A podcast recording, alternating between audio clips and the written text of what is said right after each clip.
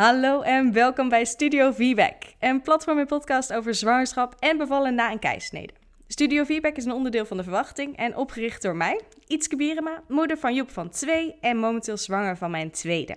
Ik heb zelf de grote wens voor een vaginale bevalling en omdat Joep met een keisnede is geboren, heeft dat een speciale naam, namelijk een VBAC, een vaginal birth after cesarean.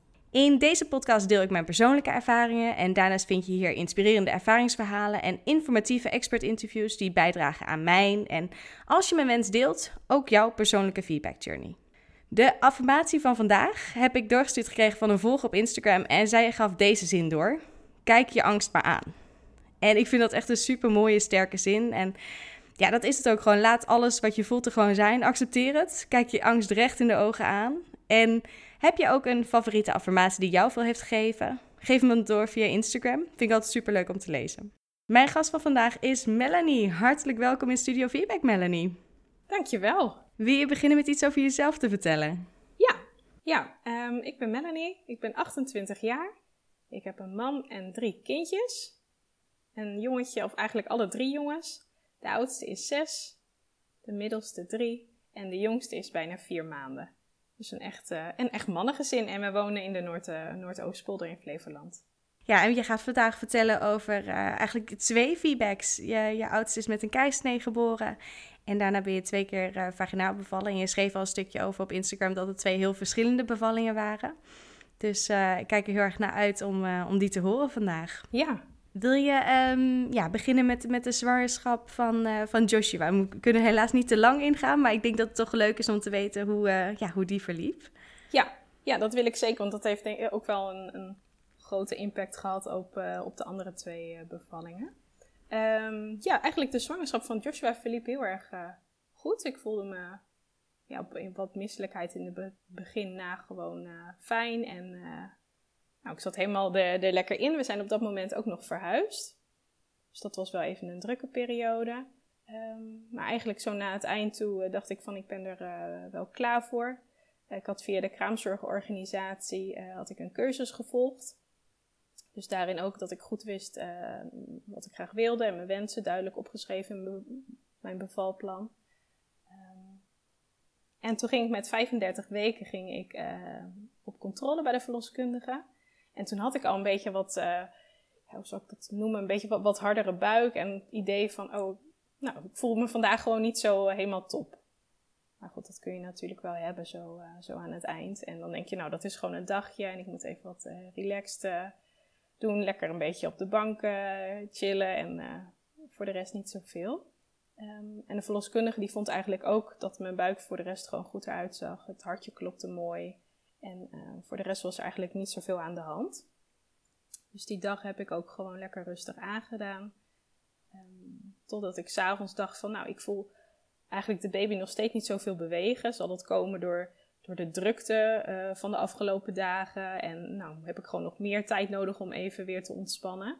Want vaak als je moet ontspannen is dat zo lastig. Um, en mijn man die ging toen uh, naar een bruiloft toe. En ik had zoiets van, nou, ik voel me gewoon niet goed genoeg om mee te gaan. Ga jij maar lekker alleen. En uh, we zien wel uh, hoe we morgen zeg maar de dag weer starten samen. Um, en toen dacht ik later, toen ik in bed ging liggen, van nou, ik weet het niet zo goed. dus toen heb ik toch maar even de verloskundige gebeld. En die had zoiets van, nou, ga lekker nog even douchen. En um, dan hebben we daarna over een half uurtje wel weer contact. Dus dat heb ik gedaan en nou, douchen hielp eigenlijk niet zo. tenminste, het was wel prettig, maar niet dat ik dacht van, oh nou voel ik de baby ineens overactief bewegen. En dus toen is ze langsgekomen, gauw mijn man geappt van, je moet nu naar huis komen. Dus dat was ook een uh, ja, gekke situatie. Um, dus die kwam toen de verloskundige er al was. Uh, en dat is toch ook wel, ja, het is sowieso een spannend moment, maar zeker bij je eerste kindje. Je bent toch bang dat er dan iets is. Um, toen heeft zij weer opnieuw uh, naar het hartje geluisterd en die klopte nog wel goed. Maar omdat je dan 35 weken bent, is het protocol, je moet even langs het ziekenhuis. Nou, daar zit je dan niet zo heel erg op te wachten, midden in de nacht. Maar toen zijn we wel samen gegaan en uh, in het ziekenhuis was ook, um, nou, alle gewoon de standaard controles gedaan. En eigenlijk voelde ik me toen, ja, je denkt ook, ik ben in het ziekenhuis, dus in goede handen en voor de rest zien we wel. Ehm, de verloskundige kon het allemaal niet meer zo goed meten, omdat de baby al flink was ingedaald. Ehm, maar toen op een gegeven moment had ze toch zoiets van, nou, ik ga de gynaecoloog wakker maken, want ik weet het niet. Ik wil even graag overleggen. Nou, prima. Dus die werd uh, wakker gemaakt en die kwam erbij. Um, en die zei eigenlijk heel snel van, nou, ik vind het er niet zo goed uitzien, uh, we gaan hem halen. En toen dacht ik, oké. Had ik, nou, ik zag het totaal niet aankomen. Um, en ik was ook echt een beetje, een beetje in shock. Dus ik vroeg nog van, oké, um, wanneer dan? Misschien morgen? Of dat ik nog even naar huis kan om wat spulletjes te halen? Nee, direct. Oké. Dus dat was echt, uh, nou dan, dan ga je echt zo'n hele rollercoaster, um, komt er op je af. En toen werd hij eigenlijk binnen, nou, ik denk dat ik binnen een half uur werd, uh, werd uh, alles gereed gemaakt en uh, lag ik daar, zeg maar. Ja. Was er nog sprake van of je ingeleid kon worden? Of was het gewoon van nee, hij moet er nu uit, dit wordt een, een keizersnede? Ja, het was echt spoed, ja. Nee, er is voor de rest nergens meer over gesproken. Er werd alleen direct gesproken van nou, wat ze allemaal gingen doen. Ja, Iedereen werd een behoorlijke al schok, zo. Ja. En dan 35 weken, dus ook ja, toch dan best wel vroeg. Ja, ja. Het voelde echt, uh, ja, het, gewoon, ik zag het totaal niet aankomen. Dat was echt uh, wel heel heftig. En dan ook dat er dus binnen, nou, ik denk misschien binnen een uur is je kindje er al. En um, nou, die start die was ook heel, uh, heel moeilijk omdat dus eigenlijk bleek achteraf dat hij vanaf, vijf, of, uh, vanaf 33 weken was eigenlijk al niet meer gegroeid. Dus hij was best wel, wel klein, ook qua gewicht best wel laag. Um, nou, en heb je in het begin dat ze al die testjes gaan doen, die APGAR-score. Die was bij hem ook heel erg laag. En toen uiteindelijk ging hij plassen en toen was het, oh, hij doet het gelukkig. Uh, maar dat is dan ook zo'n moment dat je niet samen beleeft, dus dat is ook best wel gek. Dus ja, dat was gewoon een, een, moeilijke periode. Hij heeft daarna nog twee weken in het ziekenhuis gelegen. En uh, ja, dan ga je gewoon ook heel anders naar huis. Zonder kraamzorg, ja. zonder... Ja, ik wist gewoon totaal niet wat hij nodig had. En ik was in het ziekenhuis heel erg bezig geweest met, uh, met kolven... om de productie goed op gang te krijgen. Toen heb ik uiteindelijk heel veel overproductie ja, gecreëerd. Omdat je daar... Nou ja, voor mijn gevoel heb ik daar niet genoeg sturing in gekregen... En je wil natuurlijk heel graag dat die borstvoeding op gang komt. Tenminste, dat was mijn wens. Dus ja, dat was thuis hebben we daarin ook gewoon een moeilijke periode doorgemaakt. Ja. En bleef je in die periode ook in het ziekenhuis? Of ben je naar huis gegaan? Of hoe, uh, hoe is dat gelopen? Hmm, ik ben na zes dagen ben ik naar huis gegaan. Eigenlijk mocht ik al wel wat eerder naar huis. Maar ik had zoiets van, nou, ik wil echt totaal niet, niet weg bij mijn kindje. En ik vond het zo moeilijk om dat los te laten. Ook omdat je, was voor mijn gevoel nog helemaal niet toe aan, aan het einde van mijn zwangerschap. Ik had nog ja, zoveel mooie weken eigenlijk, uh, uh, zag ik voor me. Um, ja, en dan ineens zo, zo uh, je kindje moeten loslaten, dat vond ik heel moeilijk. Ja, ontzettend. En kreeg je dan ook kraamhulp wel toen jij zelf thuis kwam? Of was het toen van... Nee. Nee. nee. Dat vind ik toch zo, ook zo raar. En op dat moment natuurlijk, zeker na een keizersnede, dan ja, ben je natuurlijk gewoon helemaal nog niet mobiel. En ook het moment dat je dan je met, met je kleine kindje thuis komt, dan ja, natuurlijk ben je ook veel in het ziekenhuis geweest. Maar het is toch dan heel anders als je die zorg thuis echt gewoon op jullie neerkomt. Ja, ja. En dat je daar dan niet wat meer begeleiding in krijgt. Nee, dat was inderdaad heel erg fijn geweest. Want um, in het ziekenhuis proberen ze je wel wat, wat dingen te leren. En, maar ja, je merkt toch als je thuis bent, is dat heel anders. Um, Ja. Vanuit het ziekenhuis was er een uh, lactatiekundige. Zij heeft me volgens mij in die weken daarna nog wel een aantal keren gebeld. En toen wat tips gegeven van hoe ik die overproductie, um, nou, wat ik daaraan kon doen. Dus dat was wel fijn. Maar het was ook gewoon zo fijn geweest als er even iemand thuis had meegekeken. Zeker met een Ja. prematuur kindje. Ja, dat is toch extra spannend, lijkt me. Ja, ja. Ja. En hoe keek je terug op de keizersnede? Want het was natuurlijk zo onverwacht en zo snel gegaan. Ja, ik vond het heel heftig. Um, ook gewoon het stukje dat je het zeg maar niet, niet uh, samen kan doen. Dus mijn man die ging direct met, uh, met Joshua mee. En dat was eigenlijk ook heel fijn, want dat wil je dan natuurlijk ook. Maar je wil eigenlijk ook het moment even samen beleven. En uh, nou ja, het hechten duurt dan wel eventjes. Dus dan lig je daar een hele poos alleen. Um, toen uiteindelijk werd ik naar mijn kamer gereden. En omdat het met Joshua niet zo goed ging, ehm, is mijn man Nick, die bleef toen eh, een tijdje bij hem. Dus dan ben je ook even alleen op de kamer. Ja, het voelt heel, heel gek. Ja, Ja, niet zoals het hoort. nee, totaal niet. Kreeg je daar iets van begeleiding bij? Of was er iemand die even bij je kwam checken van... hé, hey, hoe gaat het en, eh, en ben je een beetje oké? Nou, daar heb ik niet zo die ervaring mee. Er zal vast iemand om het hoekje hebben gekeken. Maar ik heb wel een heel erg alleen gevoel eh, gehad daar. Ja. Ja. Zeker ook in de dagen die daarop volgden dat ik eh, in het ziekenhuis lag. Ik heb me heel erg ja, eenzaam wel gevoeld. Ja. ja, en ik ken dat ook uit eigen ervaring... dat je dan, zeker na een keizersnede... dan lig je daar best wel vast aan bed. Ja. Zeker die eerste dagen als je katheter nog in hebt en dat soort dingen. En als je kindje dan... Ja, ik weet niet, lag, lag eh, Joshua op de NICU of eh, op de kinderafdeling? Ja, ja, hij lag eerst heeft hij in de couveuse gelegen. En eh, later in zo'n gewoon eh, bedje. Ja, Maar het lastige was bij dit ziekenhuis dat dus de verloskamers die waren boven en de kinderafdeling was beneden. Dus zeker na een keizersnee ben je gewoon niet mobiel, dus ik kon daar niet zelf eh, naartoe. nee. En het ziekenhuis eh, is ook gewoon een, een half uurtje bij ons vandaan. Dus toen ik thuis was, ehm, moest ik altijd met de auto. En als je een keizersnee hebt, dan mag je zes weken geen auto rijden. Dus je bent daarin ook gewoon heel erg afhankelijk van anderen. Ja, Ook zo'n eh, Ja. lastige situatie. ja super ja. lastig. Gewoon, je wil gewoon naar je kindje toe. Het liefst ging, werd ik 's ochtends wakker en dan stapte ik direct de auto in. Maar je moet dan ook iemand hebben die met je mee kan. En, ja. Ja. Ja. Nee, niet het begin eh, wat je, wat je hoopt natuurlijk om te hebben nee. als, eh, als een nieuw gezin. Nee, zeker niet. En ehm, had je toen ook al nagedacht, na die eh eerste keis, van, nou, had- hadden jullie überhaupt de wens voor meer kinderen? En had je nagedacht over van, nou, hoe zou ik de volgende keer aanvliegen? Mm, Ik heb heel erg lang het gevoel gehad van dat ik niet, niet of de twijfels, dat ik niet zeker wist of ik nog wel een kindje wilde. Ook omdat ehm, de bepaalde angsten wel naar boven kwamen en ook je wordt zo overdonderd met, met zoveel liefde ook voor een kindje, dat ik dacht van ik weet niet of ik dat nog wel voor nog een kindje kan, eh, kan hebben. Ehm, maar goed, naarmate de tijd en, en dan, dan ehm, wordt die angsten die worden ook wel wat minder. Dus toen toch steeds meer gaan nadenken over nog een kindje. En eh, nou, toen uiteindelijk na eh, iets meer dan twee jaar eh, was ik weer zwanger. En ehm, dat proces was ook wel... Ik ging heel erg goed nadenken over wat ik precies wilde. Ik wilde absoluut niet weer in dat ziekenhuis. Ook gewoon omdat ik bang was dat eh, ja, er van allerlei angsten weer eh, naar boven zouden komen. Dus we hebben heel bewust voor een ander ziekenhuis gekozen. Ehm, een groter ziekenhuis ook, waarbij ik dacht van nou, als er dan iets is, dan ehm, ben ik in elk geval in goede handen. Eh, en ook weer de voorbereiding. Ik had bij, eh, of in de zwangerschap van Joshua natuurlijk ook al een eh, cursus gedaan. Maar wel even een, een, een fris beurt gedaan van oké, hoe wat kan ik allemaal weer verwachten? En heel erg de wens natuurlijk voor een vaginale bevalling.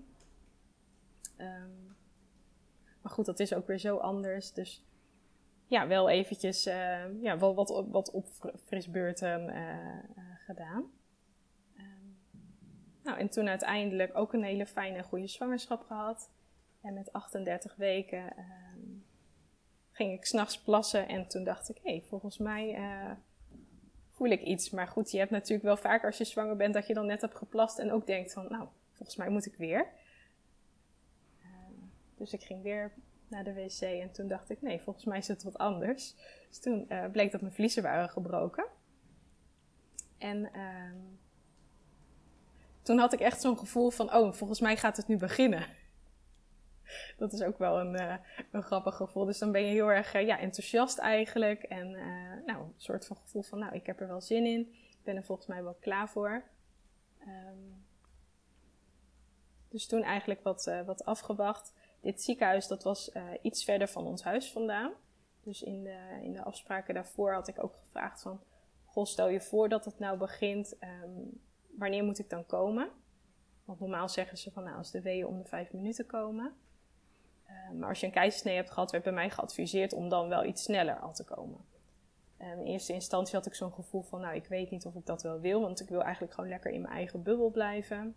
Ehm, maar goed, stel je voor dat je dan onderweg van alles eh tegen zit en nou ja, er wel complicaties of zo zijn, dat wil je natuurlijk ook niet. Ehm, dus toen uiteindelijk zijn we wel, nadat de weeën een beetje waren gekomen, om de, nou, ik denk, zes, zeven minuten, zijn we wel naar het ziekenhuis gegaan. En ehm, in de hoop eigenlijk dat we daar gewoon lekker nou, wat, wat rustig aan konden doen. Een beetje onze spulletjes uitpakken. Misschien nog een rondje lopen. Het was een vrij warme dag. Ehm, en toen uiteindelijk kwamen we daar in het ziekenhuis en mochten we ook gewoon lekker rustig aandoen. En uh, hebben we buiten ook nog eventjes uh, nou, gewandeld en even gezeten.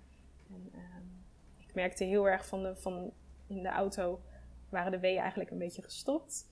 En toen we in het ziekenhuis waren, stopte alles ook gewoon. Dat ik dacht, oh, ik wil niet weer naar huis. En uh, dan weer die hele reis. En dan misschien later op de dag nog weer een keer die kant op. Um, maar doordat we gewoon lekker um, samen gingen wandelen en merkte ik dat de weeën wel weer terugkwamen. Um, en toen eigenlijk, toen we daar op de kamer kwamen, toen was het wel, uh, kwamen ze echt wel om de vijf minuten of om de vier. Um, en ik had ook al gevraagd van tevoren van, nou, hoe zit het met de CTG? En ik wil heel erg graag gewoon bewegingsvrijheid hebben. En dat kon allemaal. Alleen toen bleek dus op die dag dat uh, de draadloze CTG, die was al uh, op een andere kamer. Dus toen um, ja, zat ik gewoon draadloos, of uh, met, met draad zeg maar vast aan bed. En daardoor had ik heel weinig ruimte. Voor mijn gevoel, ik wilde heel graag nou, je hebt dan de kamer en gewoon verschillende um, bewegingen. En gewoon nog even lekker lopen. En nou ja, doen waar ik op dat moment behoefte aan, aan had. Um, maar ja, ik zat toch best wel, best wel lang op bed. En dat voelde niet altijd zo, zo prettig. En uiteindelijk werden de weeën ook steeds intenser. En dan kun je niet geen andere houding aannemen. Dus dat vond ik wel lastig. En mijn man die was wel dichtbij. En nou ja, dan kun je wel af en toe op hem wat leunen en steunen. En daarin wat, wat gaan verzitten. Um, en uiteindelijk heb ik toen gekozen voor een uh, morfinepompje. Omdat het zo heftig werd. En ik, nou, voor mijn gevoel het niet uh, makkelijk meer kon wegpuffen. Um, en we waren er denk ik rond tien uur in de ochtend in het ziekenhuis.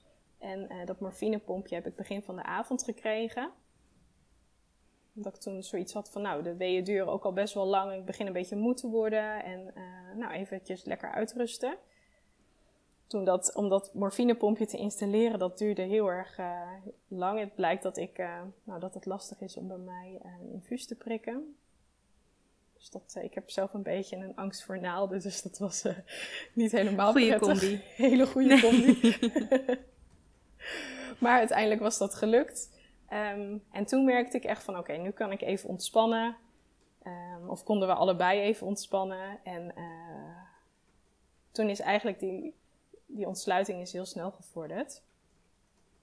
Um, dus dat was eigenlijk heel fijn. Door, dat, door eventjes te relaxen. Nou, dat wordt eigenlijk ook wel gezegd natuurlijk. Dat je vooral moet ontspannen.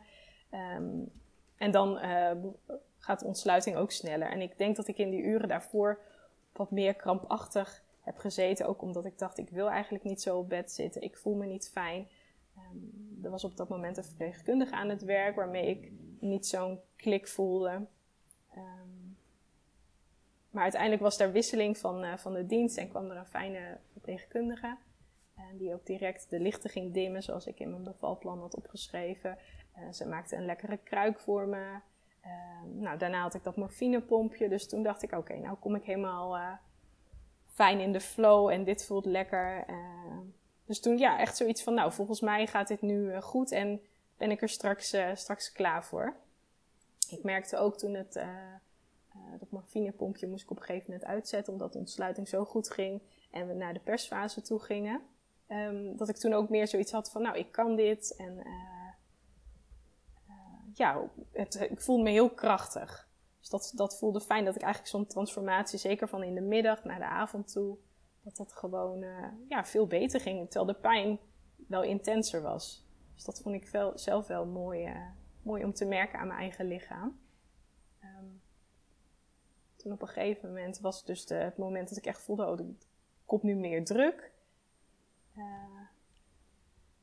en dat ik dus mocht gaan persen. Nou, dat was echt had een heel ander idee bij persen. Dus dat was ook grappig, omdat ik dat natuurlijk van de vorige keer helemaal niet kende. Uh, toen dacht ik, oh, oké, dit is ook nog heel hard werken. ik dacht meer van, oh, dat gaat ja, meer vanzelf. Maar goed, dat, dat was niet, uh, niet zo. Ik moest echt wel het eerste aanzetje een beetje geven. Ook omdat ze dat vanuit het ziekenhuis zeiden van, nou, je moet nu gaan persen. Ik kan me niet meer helemaal zo goed herinneren of ik ook echt uh, die kracht zo voelde. Voor mijn gevoel iets minder. Ik voelde wel al wat druk, maar nog niet van, oh, ik moet nu echt gaan persen, dat gevoel. Dus ik heb toen uh, een half uurtje mogen persen. Um, en toen uiteindelijk, dat was dus ook uh, op bed heb ik geperst. Ik gaf nog aan van, oh, ik wil heel graag wel um, op een baarkruk persen. Die wens had ik eigenlijk al bij Joshua in mijn bevalplan. En ik zou dat dit keer ook heel graag willen. Um, maar dat kon dus niet door die CTG. Um, en doordat ze het hart, hartje dus uh, willen, graag willen beluisteren met die harttoon. dus dat zit dan in het hoofdje uh, gedraaid. Dus ja, dan kun je eigenlijk helemaal uh, geen kant op. Dus toen hebben ze wel op bed, kunnen ze dan het bed helemaal rechtop zetten en een soort van, ja, een beetje rechtop. Nou, meer een, mooie zittende houding. Dat werd toen gezegd. Ik heb dat zelf niet zo ervaren. Ik heb wel ervaren dat ik echt liggend ben bevallen. Ja. Uh, dus dat was gewoon hard werken, maar na een half uur persen was hij er dan eindelijk. toen had ik wel zoiets van, goh, nou, dit, dit kan ik volgens mij nog wel vaker. Oh, wat lekker. Ja, dus dat was wel echt een, een, gevoel van, oh, ik heb het gedaan en het is me gelukt. En zeker, nou, voor mijn gevoel met die verpleegkundige, um, die er toen uh, na die wisseling kwam, dat gewoon heel erg van, oh, zij heeft me echt gesteund. En het voelde gewoon zo, uh, zo goed. Uh, ja, dat ik helemaal blij en happy was. Natuurlijk blij met je kindje, maar ook van, oh, het is, het is me gelukt en het kindje is nu bij ons. Het mag bij ons op de kamer blijven. Um, het is s'nachts geboren. En eigenlijk is het als advies dan van, oh, je mag nog even in het ziekenhuis blijven tot de volgende ochtend. Dan kunnen we je nog een beetje in de gaten houden. En, uh, maar we hadden zoiets uh, na, het, na het hechten van, nou, ik wil eigenlijk wel zo snel mogelijk naar huis. Um, nou, het is misschien nog goed om te vertellen dat ik dus gehecht moest worden. En het was een hele drukke dag in het ziekenhuis. Dus het hechten duurde ook, of het, ik moest even wachten op het hechten. Um, dus toen had ik wel zoiets van, nou, je wil gewoon, er heeft hey, continu iemand aan je lichaam gezeten en je wil eigenlijk gewoon dat dat, dat, dat klaar is. Um, dat vond ik zelf vervelend, dat ik daarop moest wachten. En uiteindelijk, nou, volgens mij na, na anderhalf uur, um, voor mijn gevoel werd ik toen, uh, toen gehecht. dus toen dat klaar was, dacht ik van, nou, nu wil ik helemaal graag naar huis en eigenlijk helemaal niet, uh, niet meer in het ziekenhuis blijven had me heel erg verheugd op, uh, op de tijd thuis en de kraamperiode. En gewoon lekker, lekker met ons gezinnetje, zeg maar, samen zijn. Ja, dus dat. Ik. Ja, dus uiteindelijk zijn we ook gewoon s'nachts naar huis gegaan. Dani was goed op temperatuur. En nou, we hadden zoiets van, we gaan ervoor, we gaan lekker naar huis. En ja, genieten. Heerlijk, wat super fijn. Ja. Ja, en eh, ook gewoon zo fijn om te horen dat ja, zo'n zo'n verloskundige die jou eigenlijk jouw wensen begrijpt, gelijk ook ziet van hé, hey, volgens mij kunnen we deze ruimte even iets fijner voor je maken. Mm -hmm. En daar iets mee doet, dat heeft toch ook zo'n impact op hoe ja. je er dan in staat. En uh, ja, super jammer dus dat er geen draadloos CTG was en dat het dus toch uh, ook via het hoofdje gemonitord moest worden, wat je bewegingsvrijheid aardig heeft uh, beperkt. Ja, ja, dat klopt. Ja, en het, Um, tussendoor was er ook nog, ik weet niet eens meer wat het precies. Iemand die in, in opleiding zat, maar die wilde ook nog even toucheren, even kijken. En, en op dat moment dacht ik, nou ja, weet je, als diegene een, een opleiding volgt, dan moet ik daar maar misschien in meegaan. Eens is het leerzaam. En achteraf dacht ik, ja, leerzaam, ik ben aan het bevallen. Waarom moet ik op dit moment aan een ander denken? Dus dat was nog wel ook eventjes zo'n momentje. Maar dat was ook allemaal in de middag met nou, die verpleegkundige waar ik niet helemaal een klik mee voelde. Dus al met al denk ik dat dat um, nou, mij ook een beetje heeft tegengestaan. Dus dat vandaar die ontsluiting ook niet helemaal vorderde. En ja, toen ik ook eventjes dacht van, oh stel je voor dat het uh, uh, nou niet blijft vorderen, wat, wat, wat dan? Hè? Je hebt toch een beetje die angst ook van de vorige keer. Um, maar uiteindelijk zie je dan dus hoe belangrijk inderdaad een, gewoon een fijn persoon is. En dat je, je voel, ik voelde direct toen, toen zij binnenkwam van, oh, wij hebben een klik. Ik, ik voel me prettig bij jou. Ja, super. Ja. ja. En had je nagedacht over het scenario dat er eventueel toch een, een keizersnede nodig was. Had je daar ook een plan voor of wensen voor? Ja, daar had ik wel ehm, in, mijn bevalplan ook beschreven dat ik gewoon heel graag uh, het kindje dan bij me wilde na de bevalling. Of in elk geval het even wil, of na de keizersnee even wilde zien. Um, ja, dus dat wel heel goed beschreven wat daarin dan mijn wensen waren. En ook het samen besproken. En um, tijdens mijn zwangerschap hebben we een rondleiding gehad in het ziekenhuis. Dus ook dat ik kon zien, oh, waar is dan de kinderafdeling? Uh, hoe ver is dat? Zou ik dat uiteindelijk zelf misschien of met rolstoel nog kunnen? Maar in elk geval het idee al dat je kindje iets dichterbij is. Dat, dat gaf mij al een, een prettiger gevoel. Um, en voor hetzelfde geld had je een keizersnede en mocht uh, de baby wel gewoon bij je op de kamer. Dat kan natuurlijk ook. Ja. Uh, maar wel gewoon even alle scenario's zeg maar uitgedacht en, en um, ja, bedacht wat dan onze wensen daarin uh, waren. Ja. ja. Ja, heel fijn om dat gewoon klaar te hebben liggen van mocht het nodig zijn. Ja, ja. Ja, en gelukkig was het niet nodig. Nee. Hij was er. Ja. En het ging allemaal goed. En Ja. hebben jullie deze keer ook een fijnere kraamperiode gehad? Ja, heel fijn. Ja. ja, we kregen ook nog een stagiaire erbij. Dus dat was helemaal, eh, helemaal fijn. Een hele leuke vrouw, al wat, eh, wat ouder. Dus ook gewoon ervaring al met eigen kinderen. En dat voelde heel, eh, heel relaxed. Ik voelde me helemaal, eh, helemaal fijn eigenlijk. Ja, Ja, super. ja. En ehm, ja, eh, ook ja, de, de jongste Luca, Luca is natuurlijk pas vier maanden. Dus, dus die zwangerschap is ook maar kort geleden. Ja, die is zeker kort geleden, ja. Ja, hoe, is, eh, hoe verliep die zwangerschap? En wist je, wist je überhaupt gewoon van, nou oké, ja, je zei dit kan ik vaker doen. Ja, dat klopt, ja. Dus, eh, dus de wens voor een derde, die was er wel. Ja, die is eigenlijk al wel vrij snel gekomen. In elk geval dat ik wist van, nou, ik wil, er is nog wel echt een wens voor een derde kindje. Ehm, ik merkte ook gewoon dat die angsten van de eerste keer minder waren. Ehm, en gewoon van, nou, het, het voelt zo fijn met elkaar. Er is nog wel, eh, we hebben nog ruimte in ons hart en in ons huis voor, eh, voor nog een kindje. Dus, ehm, eh, nou, na, na twee jaar eh, was ik eh, zwanger. En toen ook wel bedacht van, nou, hoe zou ik dat dan willen? En natuurlijk heb je eerst de periode gewoon weer bij de verloskundige praktijk. Dat je alle controles hebt. En ehm, ik had al vrij snel zoiets van, nou, dat ziekenhuis de vorige keer vond ik heel fijn. Maar ik weet niet of ik daar nog een keer wil bevallen, omdat er dus best wel in- en uitloop was van personeel. Ehm, ik wilde eigenlijk gewoon wel eens ergens anders kijken. En ehm, ik had ook nog wel sterk de wens voor een thuisbevalling. Dus ik heb bij de praktijk, ehm, nou, waar ik was, eh, gevraagd van, goh, hoe denken jullie over thuisbevallingen? Is dat misschien mogelijk? Zouden jullie dat doen na een keizersnede? Nou, daar werd eigenlijk wel op gezegd dat ze dat wel eh, spannend vinden. Ehm, en ze adviseerden me om eens met een gynaecoloog in een ander ziekenhuis te spreken. En ehm, nou, toen had ik zoiets van, goh, misschien moet ik dat maar eens proberen. En als ik daar geen klik mee voel of niet met dat ziekenhuis, dan kan ik altijd nog eens onderzoeken ehm, op wat voor manier ik dan wel thuis zou kunnen bevallen. Ja. En welk ziekenhuis was dat? Wat, wat eh, hadden ze aangeraden? Ze eh adviseerden Heerenveen. Oké, Ja, een kleine ziekenhuis. En eh, nou, een gynaecoloog die wel open staat voor, eh, voor van alles. In elk geval om gewoon in gesprek te gaan. Dus ehm, daar zijn we wel iets eerder op gesprek gegaan. Want normaal is het zo met een keizersnede dat je dan vanaf eh 5 of 36 weken dan wordt overgedragen. En vanaf dan je controles daar in het ziekenhuis hebt. Maar omdat ik zoiets had van, nou, ik wil gewoon bespreken hoe en wat. En ehm, ben ik met 25 weken al daar op gesprek geweest. Mijn bevalplan al een beetje, of in elk geval mijn wensen wat uitgeschreven. Ehm, en dat gesprek was eigenlijk heel erg fijn.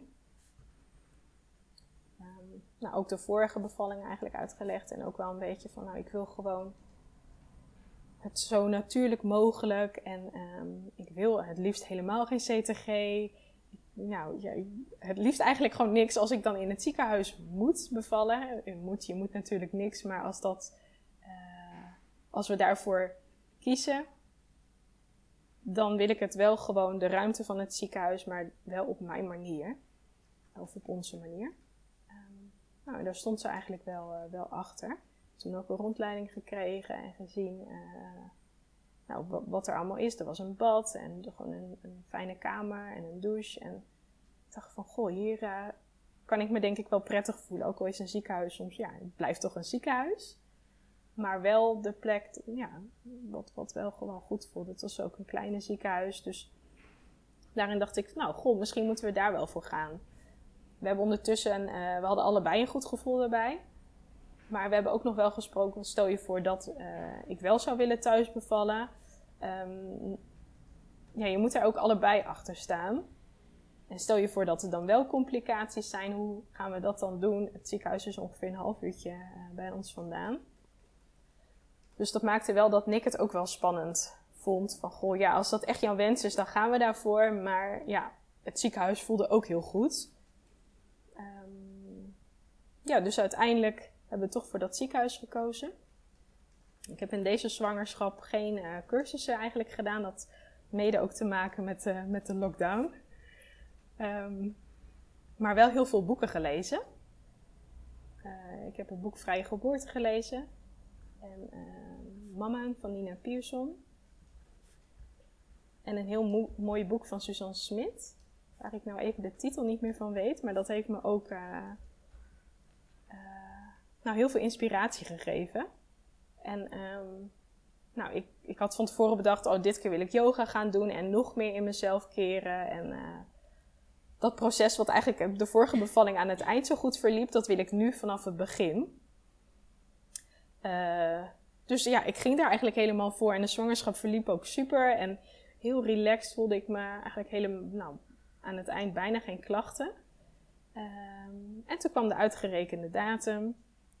En toen uh, dacht ik, goh, ik heb de 40 weken gehaald. Dat vond ik echt een heel ja, een mijlpaal.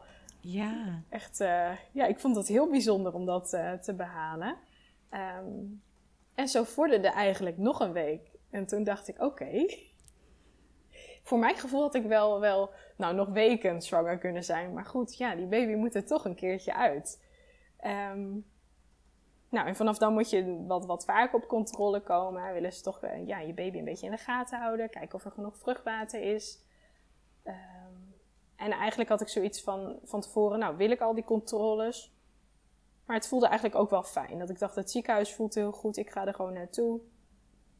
Um, en iedere keer als je dan een nieuwe afspraak plande, probeerde ik het wel zo lang mogelijk ertussen te laten. Van nou, stel je voor dat de baby um, geboren wordt dan, uh, dan he heeft hij zeg maar nog genoeg tijd in die, die dagen niet weer dat, dat je dan weer voor controle um, uh, moet.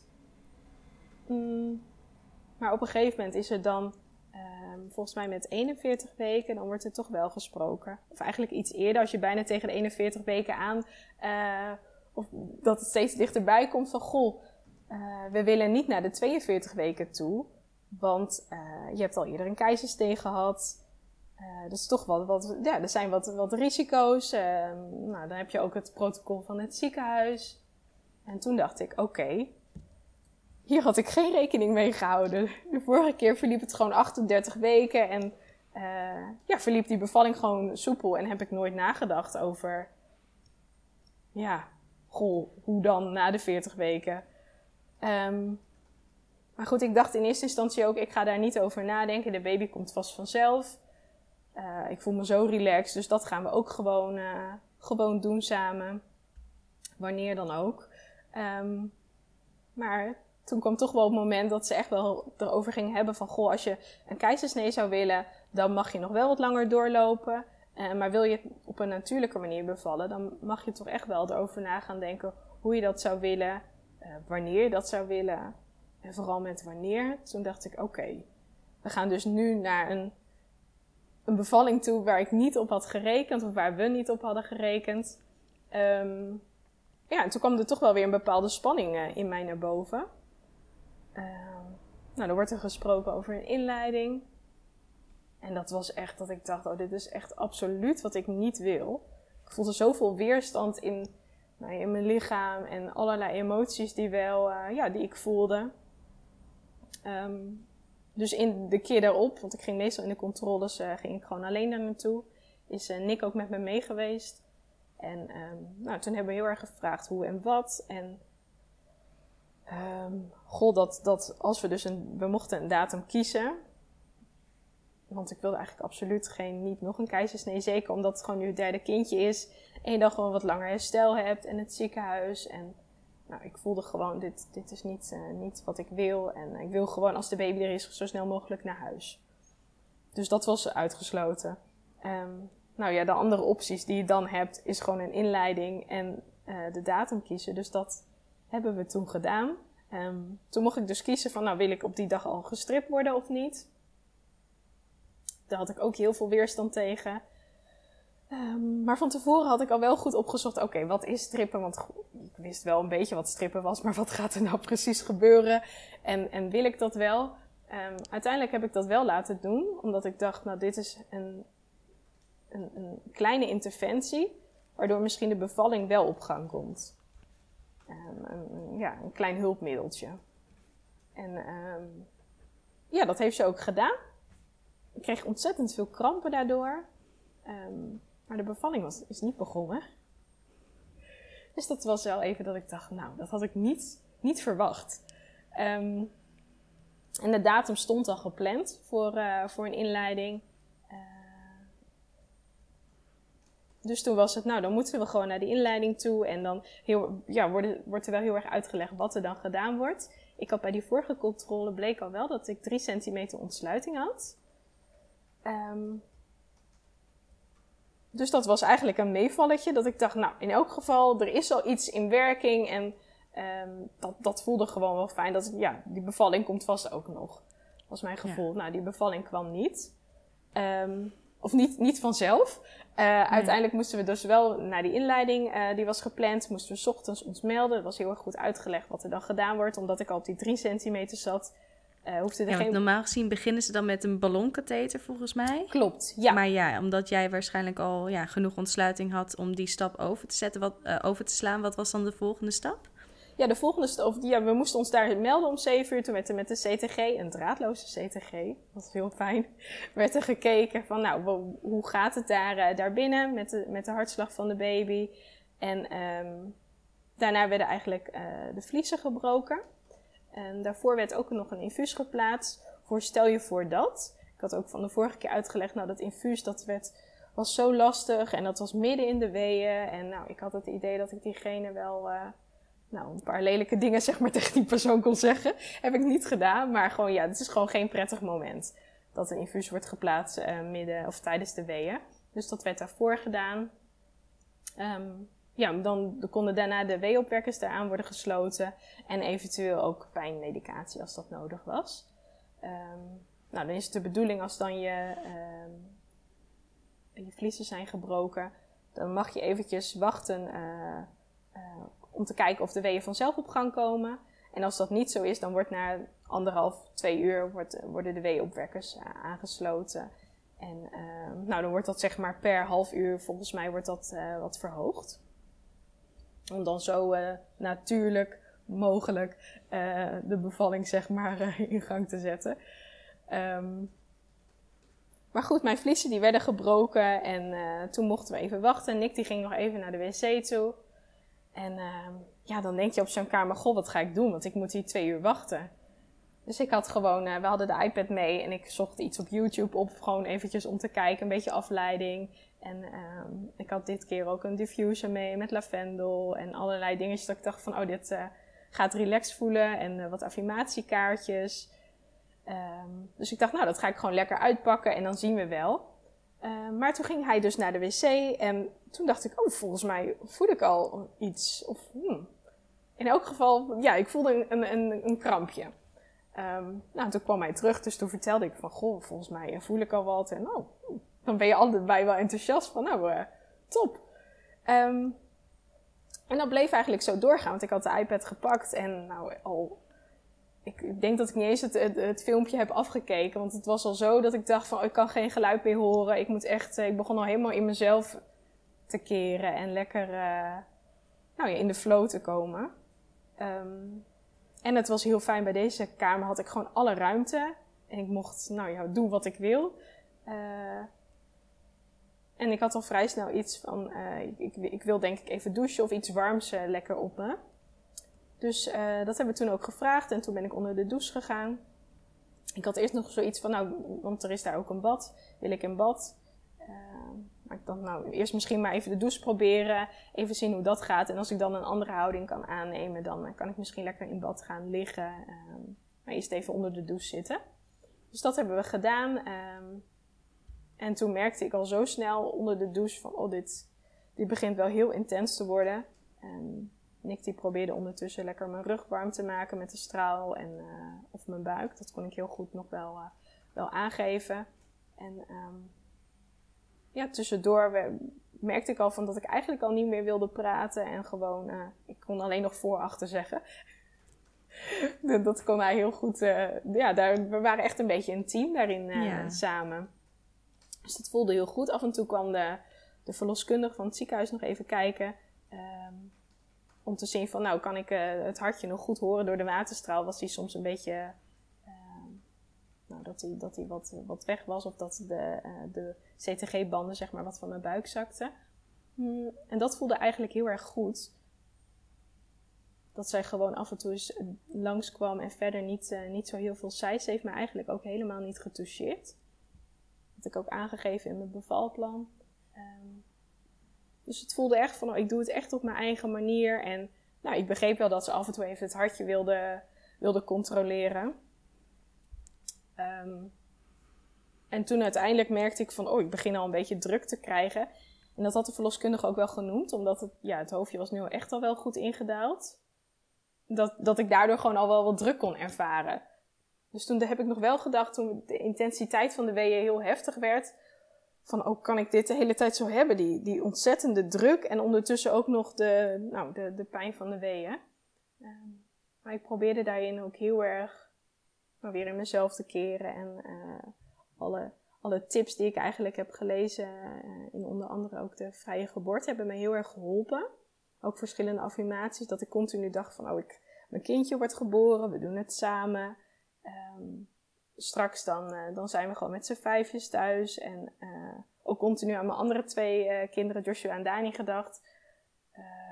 dus continu heel veel positiviteit, zeg maar, wat ehm, tijdens de weeën.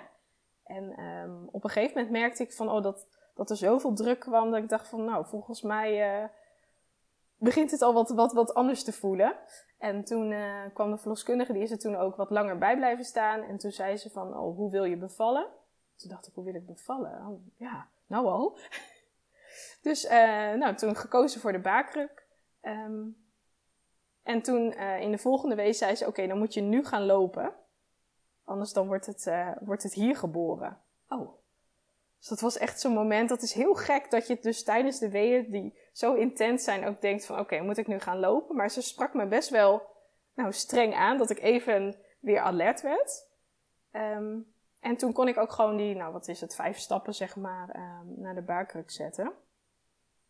Nou, en toen ik daar zat merkte ik al, er was zoveel kracht in mij en zoveel druk. En dat ik gewoon al langzaam kon, uh, kon meeduwen.